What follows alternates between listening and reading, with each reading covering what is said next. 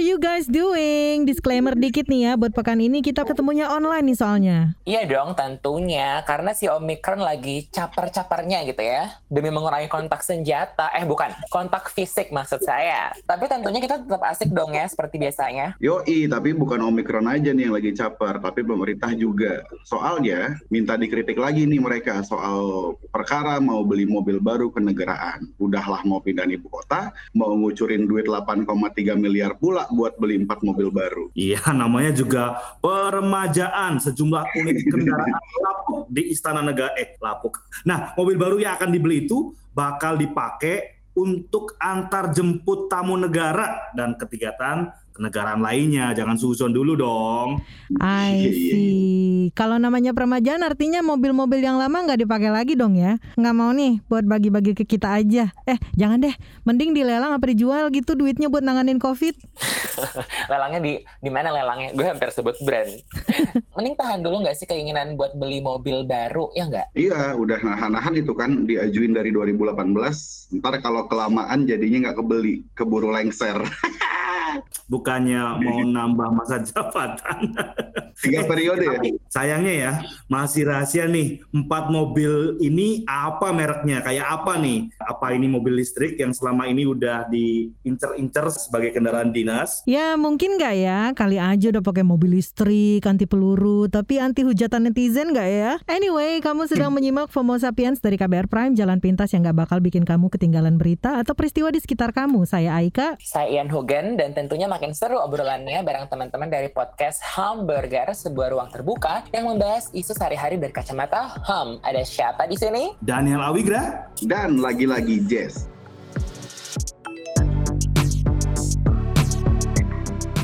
Eh, kapan lulus? Kok dari dulu nggak naik pangkat? Sekarang kok tambah subur badannya? Kok masih sendirian aja? Kapan kawin? Kapan nikah? Ntar biografi gue segera terbit, lo baca aja di sana. Kepo.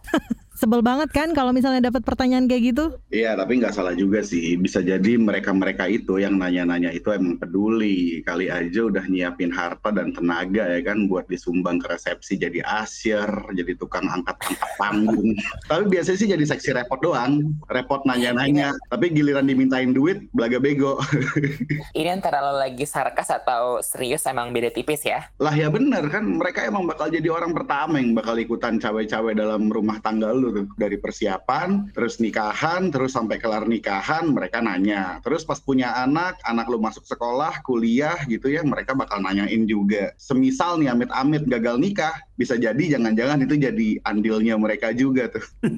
gue tuh punya cerita real juga nih. Ada orang yang nanya-nanya. Gue kan termasuk termasuk yang telat gitu kan. Waktu Hmm. dia nanya ke gue, gue jawabnya, oh udah semua. Tapi sorry ya, lu nggak masuk dalam list undangan gue. Ah, Kita ambil baiknya aja lah. Memang kan yang namanya keluarga itu kan ikutan sebenarnya. Kita jujur-jujur aja kalau di budaya timur kan nggak cuma dua individu, tapi juga perkawinan dua keluarga. Mereka ikut tuh, ikut membantu proses seleksi. Nggak pakai. TBK, screening. Nah, orang Jawa bilang itu nempel di bibit, bobot, sama bebetnya. ya babat aja sekalian, jerawannya dilihat juga. Lo ngomongin contoh Makassar loh. Tapi emang menurut gue, everything tuh seems very ribet. Apalagi kalau mau nikah ya. Tapi, Tapi sama ya, sama kelaminnya gitu. kagak ya kagak.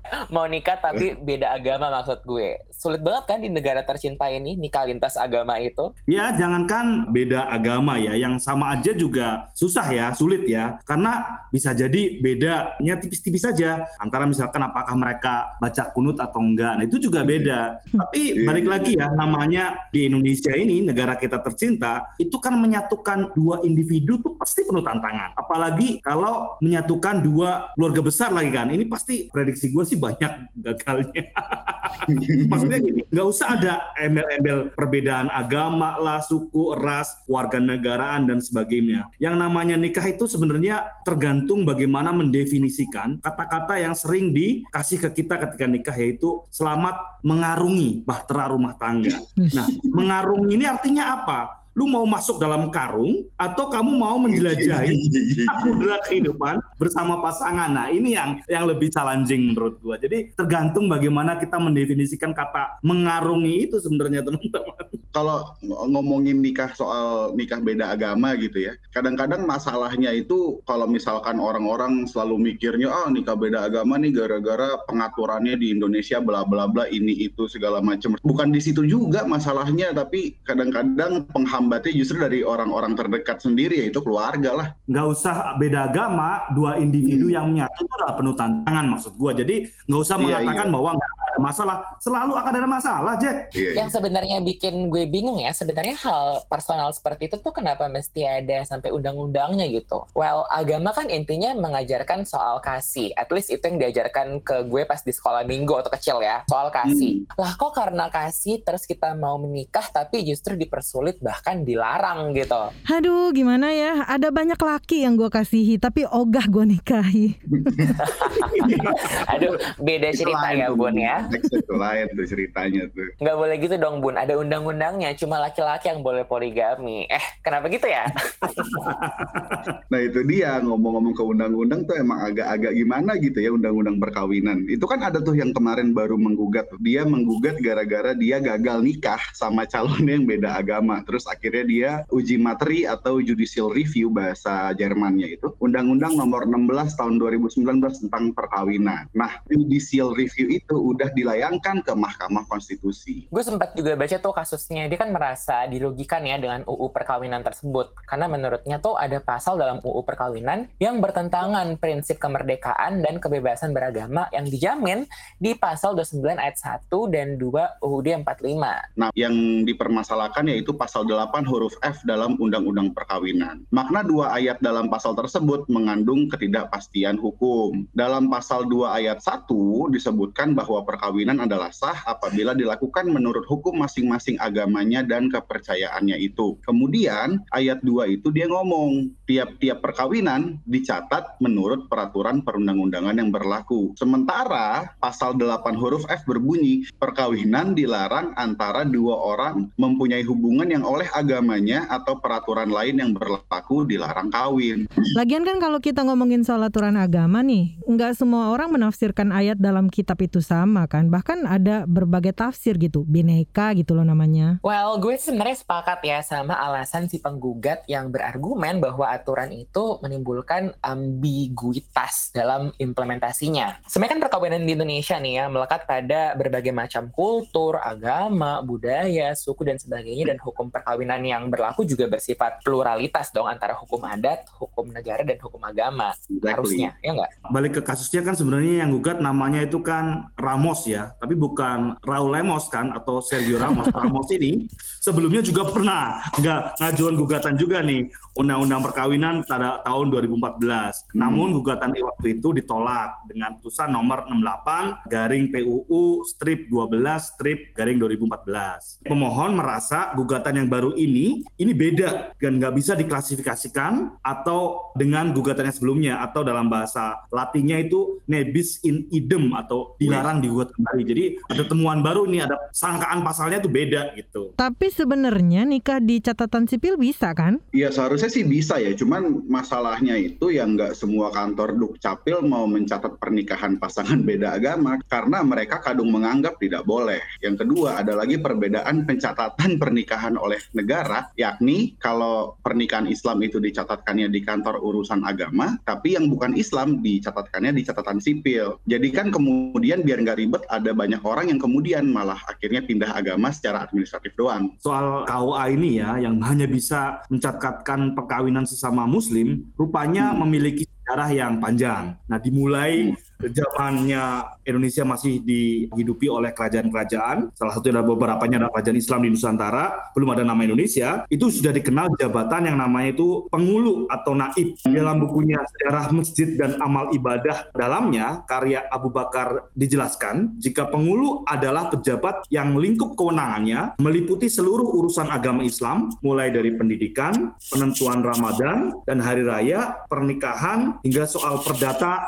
dan urusan pidana. Namun kekuasaan pengulu ini kemudian berkurang setelah Indonesia, waktu itu belum ada nama Indonesia ya, dijajah oleh bangsa-bangsa barat, khususnya Belanda, yang menjalankan pemisahan antara urusan pemerintahan dan urusan agama. Sejak itu, pengulu hanya menjadi pencatat pernikahan, talak, rujuk, dan dalam beberapa hal menjadi penasehat wakil pemerintah. Nah, pemerintah Hindia Belanda lalu menerbitkan peraturan tentang pendaftaran pernikahan yang dilangsungkan menurut cara Islam dan pengawasannya. Setelah kemerdekaan, jabatan pengulu inilah yang kemudian bertransformasi menjadi KUA. Nah, selain itu, Undang-Undang 22 tahun 46 tentang pencatatan nikah memastikan jika aturan baru pernikahan bagi pemeluk agama di luar Islam yang sudah berjalan sejak Hindia Belanda belum berubah, sebabnya sesuatu di luar Islam tidak harus dimasukkan ke dalam tugas KUA karena hukum agamanya tidak menghendaki demikian. Pembagian tugas antara KUA dan catatan sipil ini ini yang juga untuk menghormati keragaman dan keyakinan masyarakat Indonesia. Ini caranya kayak gitu. Tapi perkara nikah ini kan gak cuman om, tante, bude, pak de, sampai tetangga pada ikut nimbrung gitu ya. Tapi yang gue sempat baca juga tuh kalau di Mahkamah Agung, MA kan pernah mengabulkan perkawinan beda agama oleh dua pihak yang mengajukan kasasi, tepatnya putusan nomor 1400 KPDT 1986. Putusan itu sering banget jadi rujukan dalam pengajuan izin perkawinan beda agama gitu. Dan dan kalau cek di laman resmi Direktori Putusan MARI itu ada ratusan dokumen penetapan status perkawinan beda agama. Tapi sebenarnya harusnya ya nggak sampai seribut itu nggak sih? Kayak sampai ke MA loh bun. Gue tuh nggak ada masalah sebenarnya sama perkawinan diatur sama negara. Toh itu kan sebenarnya bagian dari upaya perlindungan dan pemenuhan hak sebagai warga negara kan? Cuma cuma nih ya kalau sampai itu mengontrol pilihan orang buat nikahin siapa pun ya ya gue nggak sepakat sih jujur. Ya sayang banget waktu itu revisinya terbatas ya. Perkara batas usia perkawinan misalnya. Aturan soal poligami atau pasal yang menyebut soal kedudukan suami dan istri itu perspektifnya masih patriarkis banget kan? Yo, eh, nah ini ngomong soal sifat undang-undang perkawinan kita ya. Yang pertama memang undang-undang perkawinan kita masih sifatnya itu heteroseksual, artinya hanya bisa mencatatkan pernikahan yang beda jenis kelamin ya. Uh, undang-undangnya itu belum mengakui perkawinan sesama jenis. Yang kedua, monogami dengan SNK atau syarat dan ketentuan berlaku atau term and condition apply ya. Hmm. Jadi kalau mau nambah gitu ya pasangan itu harus dengan seizin pasangan pertama. Ini ini SNK-nya. Nah, tetapi yang yang lain adalah hanya bisa untuk poligami, yang poliandri nggak ada tuh. Jadi yang hmm. yang bisa ngajuin itu cuman yang yang suami gitu ya, yang istri nggak bisa. Nah, ini juga sifatnya. Yang ketiga, sejatinya peran negara tuh sangat administratif gitu ya. Tapi dalam implementasinya kita tahu kadang jadi maksa untuk kedua mempelai ini harus satu agama. Sebenarnya kan sederhana balik ke semboyan negara kita ya. Apa benar ini negara bineka tunggal ika? Kenapa kawin beda agama aja nggak bisa? Ini kan pertanyaan yang paling jantung ya ke negara yang mengaku berbeda-beda tapi tetap satu. Satunya di mana kalau beda agama aja kita kawin? Di mana itu kebinekaan tunggal ikaannya itu? Makanya ini balik ke puisi lucu-lucuan yang dulu pernah gue bikin. Namanya bineka tunggal jika.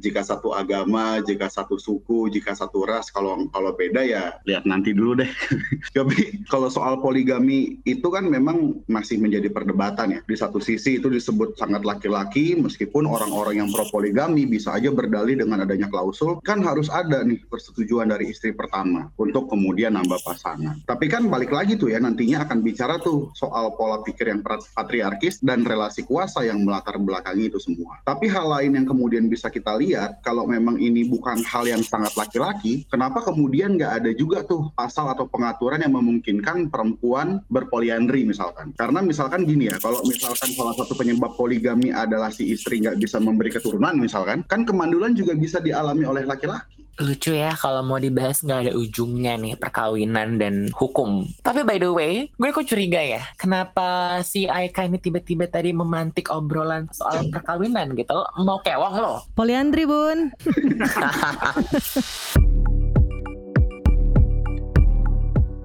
Wow, ini cadas banget nih. Wadas melawan, jadi trending topik jagat maya. Oh iya tuh, yang rame-rame perkara pengukuran tanah di desa Wadas di Jateng itu kan muncul juga tuh hashtag tagar um, Save Wadas. Iya tuh yang soal pengukuran tanah, tapi ngukurnya bukan pakai meteran, pakainya pentungan.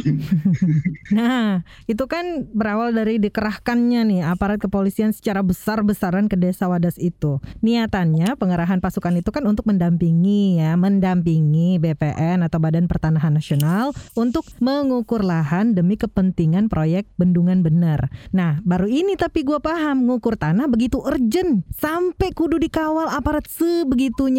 Aduh, ngukur kedalaman hati manusia aja yang tahu cuma dia dan Tuhan bukan? But Anyway, para aparat ini kan justru melakukan kekerasan ya terhadap warga dan menangkap total 60-an warga desa Wadas. Aktivitas warga desa Wadas pun berhenti total setelah aparat kepolisian menyisir dan menangkap puluhan warga yang dicap menolak penambangan batu andesit untuk proyek bendungan bener. Hah, tapi kayaknya kudu kenalan dikit ya. Kayaknya nih kita sama si bendungan bener ini. Proyek bendungan bener tuh adalah proyek yang dipegang oleh Kementerian PUPR. Rencana konstruksi proyek bendungan ini tuh udah ada sejak 2018 kemarin dan direncanakan selesai pada 2023 mendatang. Rencananya bendungan ini akan mengairi lahan sawah seluas 15 ribuan hektar lah. Ya, menyesuaikan program pemerintah untuk memperbanyak waduk demi mendukung ketahanan pangan. Keberadaan waduk bener diharapkan dapat mengurangi debit banjir, menyediakan pasokan air baku, dan menghasilkan listrik seperti namanya. Benar sih niatnya.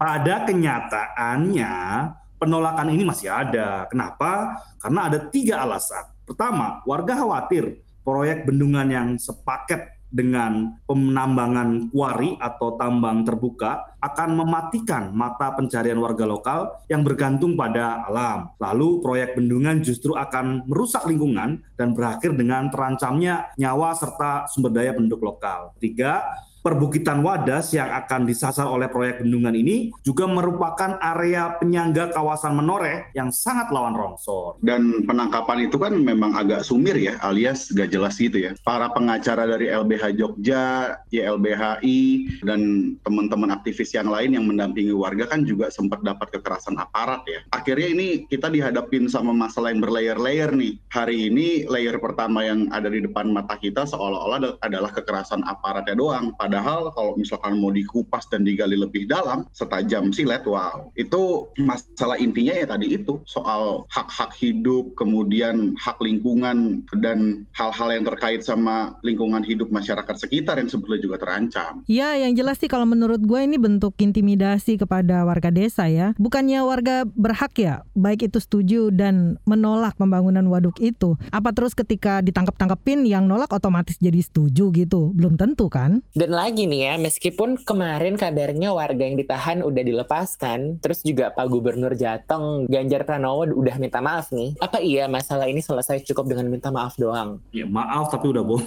ini anyway, ya gampang aja sebenarnya. Balik aja ke fungsinya masing-masing ya. Ini kan ada fungsinya Pemda, ada fungsinya penegak hukum alias polisi di sini itu apa sebenarnya? Mereka tugasnya tuh mengayomi atau mentungi nih, mentungi nih ya. Kalau memang katanya Wadas, Purworejo, Pak Ganjar juga dari Purworejo dapilnya ya itu kalau memang di sana menolak gitu ya kok kenapa memaksakan kehendaknya kemudian mengerahkan put input ya aparat gitu ya untuk melakukan represi kayak gitu gitu? Apakah Pak Ganjar ini sudah tidak menjadi wakil rakyat lagi di sana nih? Udah udah jauh dari uh, tujuan awalnya mengukur malah jadi pentung-pentungan gitu. Yang gue heran juga nih ya kan sebenarnya konflik agraria seperti ini tuh bukan baru terjadi sekarang kan? Nah kalau dari catatan KPA tahun 2021 nih sempat disebutkan nih bahwa bahwa terjadi lonjakan sebanyak 123% konflik agraria akibat nih dari proyek strategis nasional atau PSN infrastruktur jika dibandingkan dengan tahun 2020.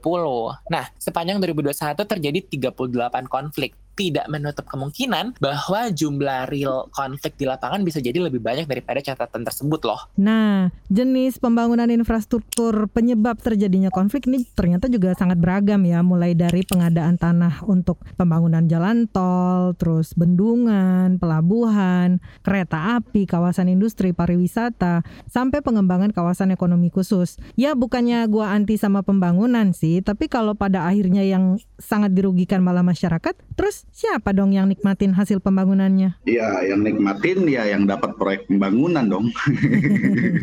Dan bukan rahasia lagi kan, konfliknya nggak sedikit yang berunsur kekerasan. KPA itu juga menyoroti aksi kekerasan akibat konflik agraria di berbagai daerah di Indonesia. Ada belasan orang dianiaya dan tewas karena mempertahankan hak atas tanah sepanjang tahun 2020. Itu belum termasuk yang terjadi di tahun 2021 kemarin dan yang sekarang di Wadas ini ya. Ya, berdasarkan catatan KPA juga, kasus kekerasan konflik agraria tahun 2020 juga melibatkan aparat, aparat kepolisian yang katanya punya presisi ya, mengayomi, melindungi dengan tugas presisinya. Apakah ini presisi? Punya 46 kasus. Kemudian TNI yang punya fungsi pertahanan 22 kasus. Satpol PP 9 kasus. Dan security ya atau juga termasuk preman sewaan perusahaan ada 20. Selain itu, KPA juga nyebut ada 139 orang yang dikriminalisasi dalam konflik agraria sepanjang 2020 lagi dan lagi nih ya kayaknya tiap episode langganan nih soal ginian nggak bisa ya? Yang kalem gitu loh penanganannya kayak mediasi kayak gitu apa kayak ya itu memang jadi salah satu jalur ya salah satu cara. Tapi kan tergantung masing-masing pihak yang berkonflik juga. Kalau misalkan kita ngomongin lagi desa Wadas nih yang kita lagi bahas tadi nih desa Wadas yang di Purworejo ini Komnas HAM ini kan udah coba mediasi ya berdasarkan permintaan Gubernur Ganjar. Namun ditolak warga penolak tambah. Pas Komnas HAM berkunjung ke Wadas warga meminta dialog langsung dengan Gubernur Ganjar Pranowo. Belum sempat dialog dengan gubernur terjadi, malah keduluan pengukuran lahan itu. Iya, gue juga lagi baca tweetnya Dandi Laksono ya, Watchdog. Nah, menurut uh, tweetnya dia, penambangan di Wadas untuk bendungan bener ini kan sebenarnya sudah masuk dalam daftar proyek strategis nasional, di mana daftar proyek strategis nasional itu mengacu ke PP atau peraturan pemerintah, sementara hmm. PP mengacu ke Undang-Undang Cipta Kerja. Nah, Undang-Undang Cipta Kerja kan sudah dinyatakan itu inkonstitusional oleh Mahkamah Konstitusi, ya kan? Hmm. Nah, putusan untuk yang Undang-Undang Cipta Kerja itu, poin ketujuh putusan MK mengatakan bahwa menyatakan untuk menangguhkan segala tindakan atau kebijakan yang bersifat strategis dan berdampak luas, serta tidak dibenarkan pula menerbitkan peraturan pelaksana baru yang berkaitan dengan Undang-Undang 11 tahun 2020 tentang Cipta Kerja. Jadi memang harusnya ini nggak ada landasan hukumnya yang benar untuk kemudian memaksakan proyek strategis nasional termasuk ngukur-ngukur itu dijalankan. Wah, andalan emang ya kalau udah secara fisik pakai pentungan. Eh, tapi ada cara lain tahu untuk mengcounter pihak-pihak yang kontra. Apa tuh, Bun? Bikin aja kaca jaringan internet. Kayak di Wadas tuh kan sempet kan dibatasin internetnya jadi lemot gitu. Nah, sejumlah organisasi kayak Aliansi Jurnalis Independen, Aji Jogja, Aji Semarang, Aji Purwokerto sama LBH Pers Jogja kan mengecam tindakan ini. Mereka menduga pembatasan jaringan internet yang terjadi sejak Selasa sampai Rabu siang di Wadas itu adalah upaya pemerintah untuk menutup menutup aksi kekerasan di wilayah itu. Nah, akun LBH Jogja juga sempat diretas kan? Nah, itu dia. Tapi kalau misalkan tadi ngomong soal mediasi gitu ya, kan sebetulnya Gubernur Ganjar akhirnya juga memang mendatangi Wadas dan berdialog tuh akhirnya.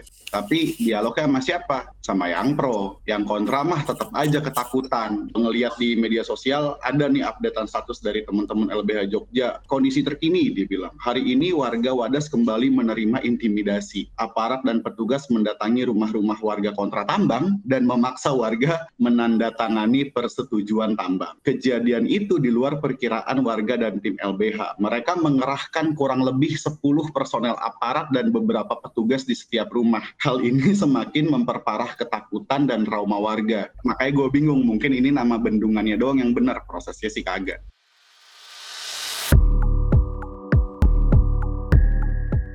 Ngomongin berita-berita yang terjadi selama ini gue jadi keinget nih Pas banget soalnya hari Rabu yang lalu kan tepatnya di tanggal 9 Februari itu adalah Hari Pers Nasional. Wah rasanya kalau udah soal berita nih pastinya berhubungan juga sama jasa pers. Kalau nggak karena wartawan, jurnalis, dan lain-lainnya ya masyarakat belum tentu tahu kan apa yang terjadi di luaran sana. Apalagi sampai ngikutin perkembangannya. That's true. Makanya juga pers sempat disebut nih sebagai mata dan telinga publik. Disebut pilar keempat demokrasi juga. Karena ya emang berperan sebagai sarana transparansi informasi. Ini disebut juga nih sama Presiden Jokowi dalam sambutannya di peringatan Hari Pers kemarin. Katanya, sebagai salah satu negara demokrasi terbesar dunia, kebebasan pers adalah pilar penting kemajuan Indonesia. Kebebasan pers dan perlindungan terhadap profesi wartawan dijamin dalam undang-undang. Itu kata Jokowi ya.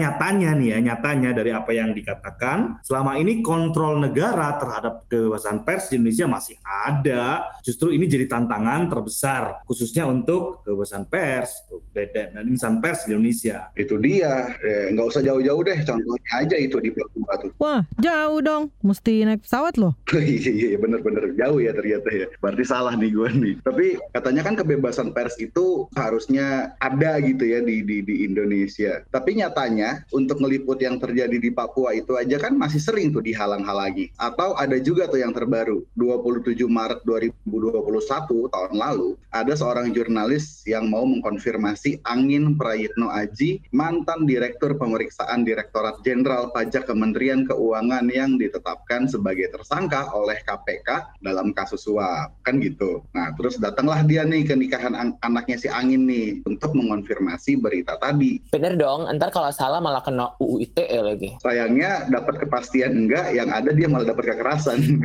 Astaga, kasihan banget. Tapi itu mungkin cuma dari 43 kasus yang dicatat sama Aliansi Jurnalis Independen kali ya. Karena jumlah kasus kekerasan terhadap jurnalis yang tercatat dari 1 Januari hingga 25 Desember 2021 kemarin itu ada sekitar 43 kasus. Jenis kekerasan paling banyak yaitu berupa teror dan intimidasi, yaitu 9 kasus dan disusul dengan kekerasan fisik 7 kasus serta pelarangan liputan sebanyak 7 kasus. Aduh, nggak udah-udah ya yang begitu. Dan sebenarnya ini juga sesuai banget sama refleksi yang dilakukan LBH Pers Indonesia terhadap kondisi jurnalis di Indonesia. Yang pertama yaitu tentang kekerasan fisik terhadap jurnalis yang masih saja terus terjadi. Hal ini terjadi karena dianggap nggak ada penyelesaian dan proses hukum terhadap pelaku kekerasan terhadap jurnalis. Ya nggak tegas gitulah proses hukumnya. Nah uniknya ya, malah kebanyakan jurnalis sendiri udah semacam quote in quote ya, males atau mager gitu ya untuk ngomong kemudian melaporin kekerasan ke penegak hukum. Ini karena sebenarnya sudah kayak nggak ada kepercayaan lagi para jurnalis ini ke penegak hukum untuk menyelesaikan kasusnya. Jadi ya seneng nggak seneng lebih baik diam. kayak kayak gimana ya? kayak ya udah aja gitu nggak sih dan dan lama juga nggak sih prosesnya. Jadi kayak ya udah makin malas gitu. Nah iya soal males-males itu bisa juga dilihat gara-gara gini. Jangan-jangan awalnya dia nggak males nih buat ngelaporin nih, tapi kemudian setelah dia ngelaporin kasusnya ke blow up oleh media maupun media sosial, terus ujung-ujungnya dia dilaporin balik pakai UU ITE. Akhirnya ya makin males lah. Gue harus tegasin di sini secara tegas nih ya dan harus disiarkan se, se sesiar-siarnya ke seluruh penjuru dunia nih kayaknya bahwa tugas jurnalistik itu, tugas jurnalis itu itu nggak boleh dipidanakan, nggak boleh dikriminalisasi. Itu udah kampanye dari awal-awal tahun 2000 tuh Amnesty International dulu udah ngawali kampanye journalism is not crime. Jadi nggak boleh orang kerja mencari berita, menyebarkan informasi kemudian dipidanakan. Nah, untuk persoalan menyangkut soal dispute ya atau sengketa terhadap karya jurnalistik, kita mendorong diaktifasinya peran mediasi di Dewan Pers. Nggak boleh itu jurnalis kemudian diancam, kemudian ditakut-takuti, kemudian diancam pasal undang-undang ITE itu sangat mengganggu kemerdekaan pers. Nah, yang melakukan kekerasan ini biasanya ngerasa dia punya power ya, bisa jadi dia itu powernya karena dia punya senjata atau dia punya katakanlah jadi penyelenggara negara ataupun dia merasa jadi mungkin jadi bagian dari kelompok yang secara jumlah banyak gitu ya, jadi ngerasa power sehingga bisa aja melakukan berbagai tindak intimidasi yang berujung pada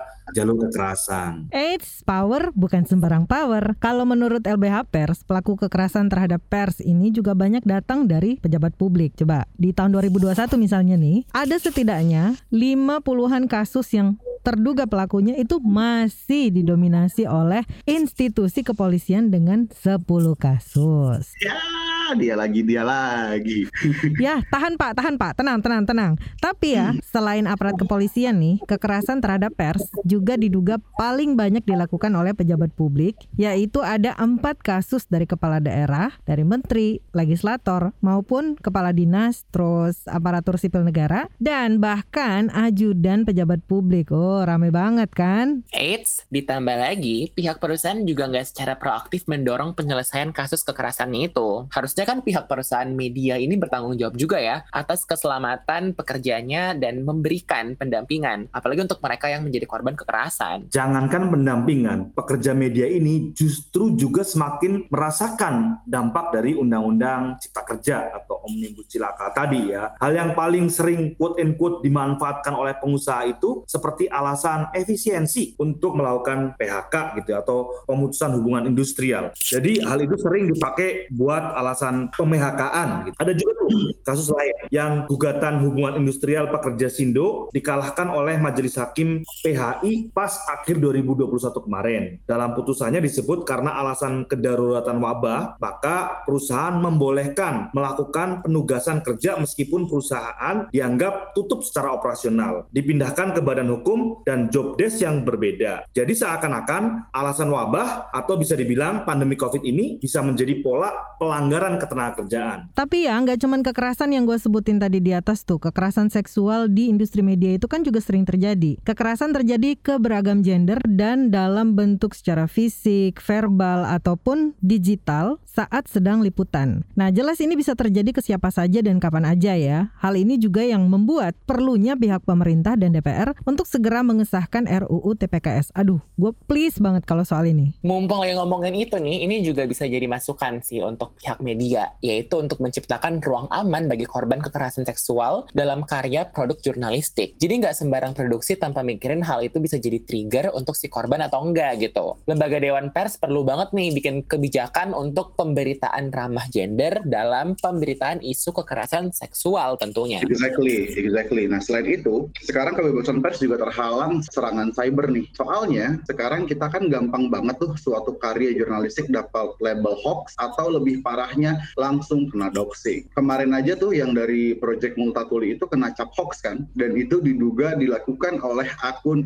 institusi penegak hukum. Ini bisa disebut sebagai pelanggaran terhadap kebebasan pers karena harusnya yang melebeli begitu dari pihak Dewan Pers atau Kominfo. Tapi kalau sekarang semuanya bisa dengan mudah bilang hoax nih, hoax nih tanpa tahu kebenarannya, justru bisa bikin masyarakat jadi nggak percaya sama pers nih. Ah, ini bahaya bahaya sih. Ntar yang benar-benar dibilang hoax, yang hoax, yang dibilang Bener. benar, malah benar. Bingung juga tuh, mana yang hoax, mana yang benar nih. Karena semua orang bisa sama kayak sama kayak bendungan bener namanya bener prosesnya kagak ya. Nah, Aduh, ini parah sih. Masa ngelangkahin Dewan Pers? Dewan Pers masih diem-diem aja, yang lain udah pakai hoax-hoax ngangong-ngangong gitu. Udah biasa itu. Nyatanya ya, terdapat lembaga-lembaga penegak hukum dari tingkat penyelidikan hingga pengadilan yang terkadang dalam tanda kutip mengabaikan rekomendasi atau penilaian Dewan Pers. Padahal dalam kerja-kerja Dewan Pers berdasarkan UU 40 tahun 99 tentang pers dipandang dalam tanda kutip tidak setara antara Dewan Pers dengan institusi negara atau penegak hukum lainnya. Akibatnya kasus kriminalisasi ini terus berlanjut dan ya membahayakan kebebasan pers. Apalagi pas tanggal 9 Februari yang lalu kan masa habisnya MOU antara Dewan Pers dengan Kapolri ya terkait koordinasi dalam perlindungan kemerdekaan pers dan penegak hukum terkait penyalahgunaan profesi wartawan dan inisiasi revisi UU ITE. Jadi MOU ini adalah salah satu instrumen bagi pers untuk diperpanjang dan diperkuat dalam mencegah kriminalisasi terhadap wartawan. Aduh, emang udah paling benar buruan deh direvisi nih UU ITE terutama untuk pasal-pasal karetnya menurut gue. Ada beberapa poin penting yang layak dipertimbangkan. Misalnya kayak pengecualian terhadap penjeratan pasal 27 ayat 3 UU ITE kepada jurnalis. Selain itu juga pasal 28 ayat 2 UU ITE nih. Momentum revisi ini juga dimanfaatkan banget nih kan oleh stakeholder pers. Misalnya kayak Dewan Pers, organisasi wartawan, organisasi perusahaan pers, dan lain-lain untuk ngedorong legislator membuat regulasi yang bisa melindungi kebebasan pers. segera revisi Undang-Undang ITE sekarang juga. Amin. Ya, amin. Tapi memang ujung-ujungnya memang kita mesti ke situ lagi ke situ lagi ya. Soalnya banyak banget tuh korbannya pasal karet itu. Nah, katanya ya 16 Desember 2021 DPR sudah menerima surat dari Presiden tentang revisi Undang-Undang ITE. Tapi lagi-lagi sampai sekarang belum ada pembahasan yang lebih serius terhadap draft revisi Undang-Undang ITE usulan pemerintah. Kan seperti yang udah kita sebut tadi, sebenarnya pasal-pasal yang menghambat kebebasan pers itu ada 27 ayat 3, 28 ayat 2, juga ada pasal 40 ayat 2A, Selain itu, pemerintah juga ngusulin untuk nambah pasal terkait pemidanaan berita bohong. Pasal ini diadopsi dari Undang-Undang 146 tentang hukum pidana ke dalam tambahan pasal di draft revisi Undang-Undang TE. Ah, pasal ini juga sering disalahgunakan untuk kriminalisasi kebebasan berekspresi kan ya? Nul sekali alias benar dan betul. Panjang juga ya refleksinya tapi. ya sepanjang-panjangnya yang penting nggak cuma jadi refleksi-refleksi aja deh. Semoga beneran diterapin biar pers kita makin maju dan dapat kebebasan seperti seharusnya. Meskipun menurut gua ngomong-ngomong soal refleksi at the end of the day setelah sedemikian panjang nih kita ngobrol soal HPN alias Hari Pers Nasional, kayaknya ini gue nakal-nakalan aja ya. Secara sejarah aja kok menurut gue kita udah agak dalam tanda kutip salah nih berharap Hari Pers nasional versi negara ini kemudian bisa menjadi momentum untuk kita ngomongin kebebasan pers, apalagi berharap negara melindungi kebebasan persnya. Hah? Kenapa emang? Ya lo tahu kan Hari Pers Nasional ini kan dibuat berdasarkan ulang tahun organisasi pers mana? Organisasi Yo, pers yang di era Orde Baru malah dipakai oleh Orde Baru untuk merepresi pers itu sendiri. Sampai-sampai kan teman-teman pers yang progresif bikin organisasi tandingan kan. Sekarang kan sama-sama Orba nih, eh maksudnya uh, orang baik. Jadi ya gimana ya? Sebaik kita ngomongin refleksi-refleksian, gue jujur aja pengen refleksi tubuh gue aja deh. Refleksi diri. Covid, COVID hati-hati. Hati lah, gue udah kejang-kejang nih. Wih, enak dong. Itu dulu buat pekan ini. Saya Ian Hogan. Dan saya Aika. Daniel Awigra, Dan gua seperti biasa lagi-lagi Jess. Sampai ketemu pekan depan. Bye-bye. Bye.